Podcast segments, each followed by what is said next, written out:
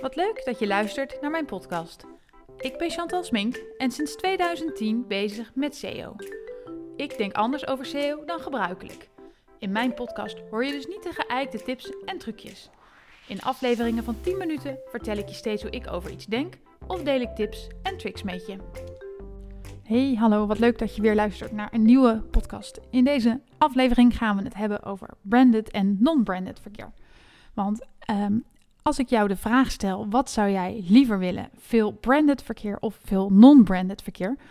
Dan denk je waarschijnlijk, wat zegt die nou? Natuurlijk wil ik heel veel non-branded verkeer. En dat is eigenlijk altijd zo. Ik heb nog nooit een organisatie gezien waarbij ze zeiden: nee, let ook een beetje op het branded verkeer. Of wij hoeven niet zoveel non-branded verkeer te hebben. Ehm, en dat is natuurlijk ook logisch ook. Uh, non-branded verkeer is enorm waardevol. Het zijn mensen die jouw site vinden terwijl ze niet naar jou op zoek waren. Dus die markt is ongekend groot. Er zijn zoveel zoektermen die verkeer kunnen sturen. Uh, en ervan uitgaande dat ze jou niet kennen, is het dus allemaal nieuwe incrementele omzet. Um, maar toch denk ik wel dat we een beetje doorgeslagen zijn in onze wens naar non-branded verkeer. En dat gaat vooral ten koste van andere zaken. En daar ga ik je wat over vertellen in deze podcast. Um, Ten eerste, wat ik altijd al zeg, hè, SEO is niet zo makkelijk meer. Dus non-branded verkeer is ook ontzettend ingewikkeld. Dat heeft er als eerste mee te maken dat we uh, allemaal op dezelfde manier werken. Hè? Dus keywordonderzoek doen, dezelfde termen vinden, dezelfde vaak middelmatige content maken, links najagen, om zo hoog mogelijk op die non-branded termen te staan die we gevonden hebben. Nou, en het lastige is wel um, het is een stoelendans. Ik zeg vaak SEO is een stoelendans. En zeker op die non-branded termen. Als jij er staat, wil je concurrenten weer staan. En zo blijf je altijd bezig.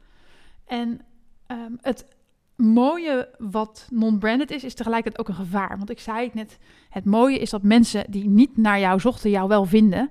En dat vind ik tevens een gevaar. Mensen zoeken dus niet naar jou. Ze komen toevallig bij jou terecht, omdat jij toevallig, of na heel lang werken, hoog staat in Google.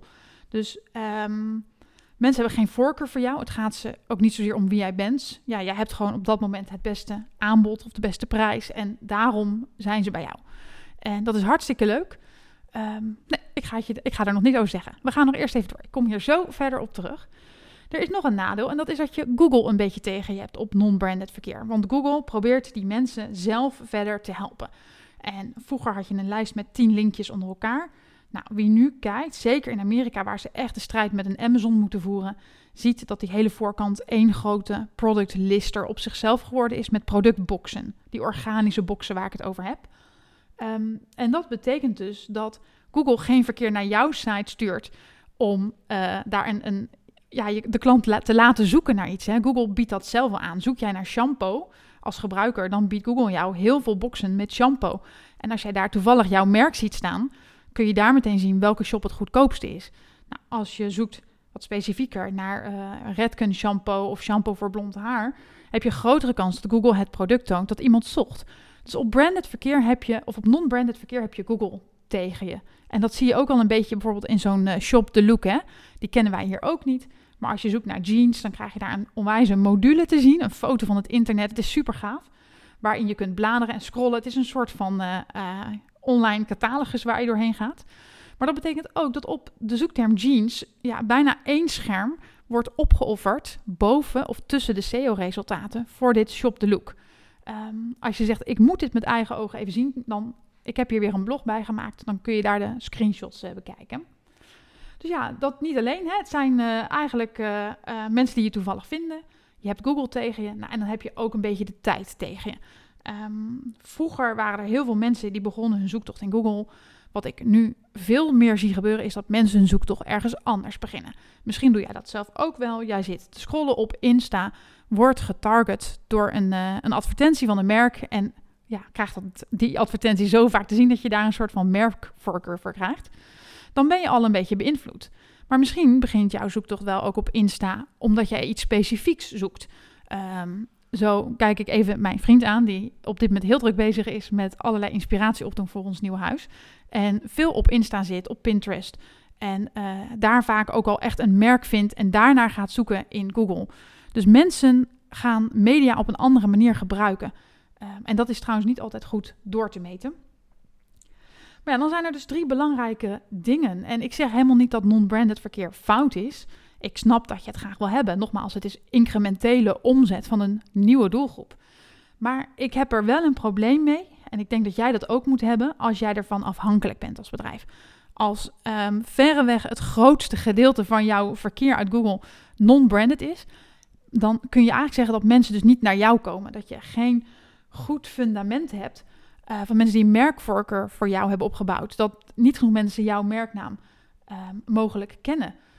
Um, kijk, als ik naar mijn eigen site kijk, hè, ik hoef bijna geen non-branded verkeer. Ik vind het niet belangrijk, omdat mensen die non-branded zoeken naar bijvoorbeeld SEO, willen toch niet met mijn methode werken. Dus ik wil mensen die op mijn merknaam, hè, in dit geval mijn eigen naam komen, die komen namelijk voor mij. Dus ik vind dat we eigenlijk elk bedrijf veel meer oog moet hebben voor verkeer dat op een merknaam komt. Want dat is ontzettend waardevol en misschien wel loyaal verkeer. En dan kan je zeggen, ja, maar dat verkeer had ik toch wel. Dus ehm, dat maakt me niet uit. Maar je kan dat verkeer natuurlijk ook laten groeien. Kijk, je kunt een ton in SEO pompen. Je kunt ook een ton in merkcampagnes pompen. Ehm, en daar heb ik een business case voor uh, gemaakt. Natuurlijk is het een beetje lastig uh, um, om dit te vergelijken, omdat je één term tegen één branded term vergelijkt. Maar de business case die je op mijn site kunt nalezen, is die van de een pannenleverancier. In dit geval heb ik BK genomen. En dan heb je de, de uh, non-branded zoektermen pannenset. Of de branded zoekterm BK pannenset en pannensets. Nou, en dan zie je eigenlijk um, dat op de non-branded term zit heel veel meer zoekvolume dan de twee uh, brandnamen. Bij elkaar komen ze aardig in de buurt. Um, maar wat bijna iedereen vergeet, is dat het verkeer dat branded zoekt een veel hogere CTR heeft. Ik heb daar ook uh, bronnen bij gezocht van uh, Beek Linko, die heeft daar meest recent nog onderzoek naar gedaan. Op een non-branded zoekterm, op positie 1, klikt ongeveer 28%, een krappe 28% naar jouw site door. Op een branded zoekterm is dat ruim 60%.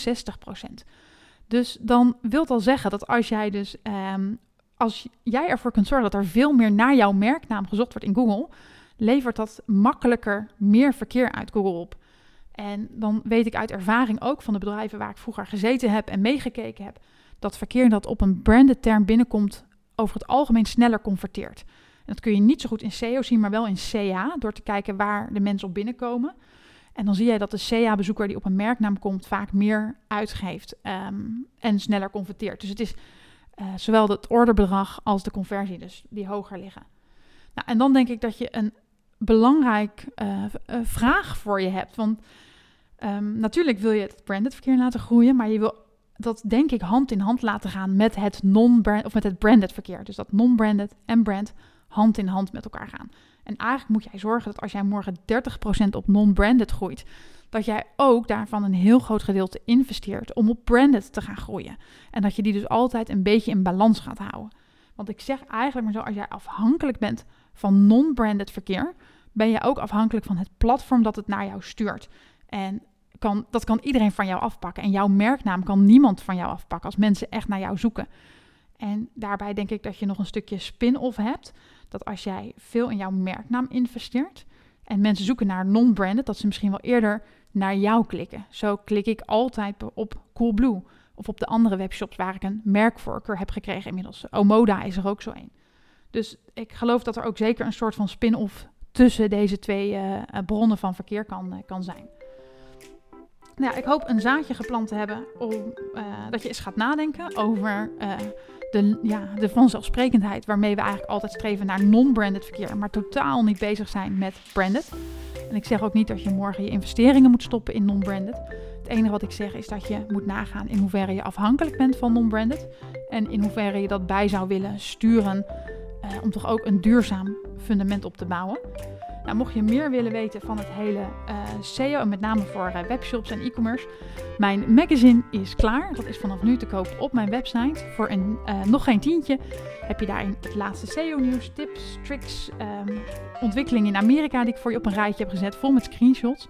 Het zijn bijna 63 pagina's, geloof ik, vol met nieuwe, verfrissende blikken, zo dat moet ik zeggen. Uh, en ik hoop dat je daar heel veel plezier mee hebt uh, met het lezen daarvan.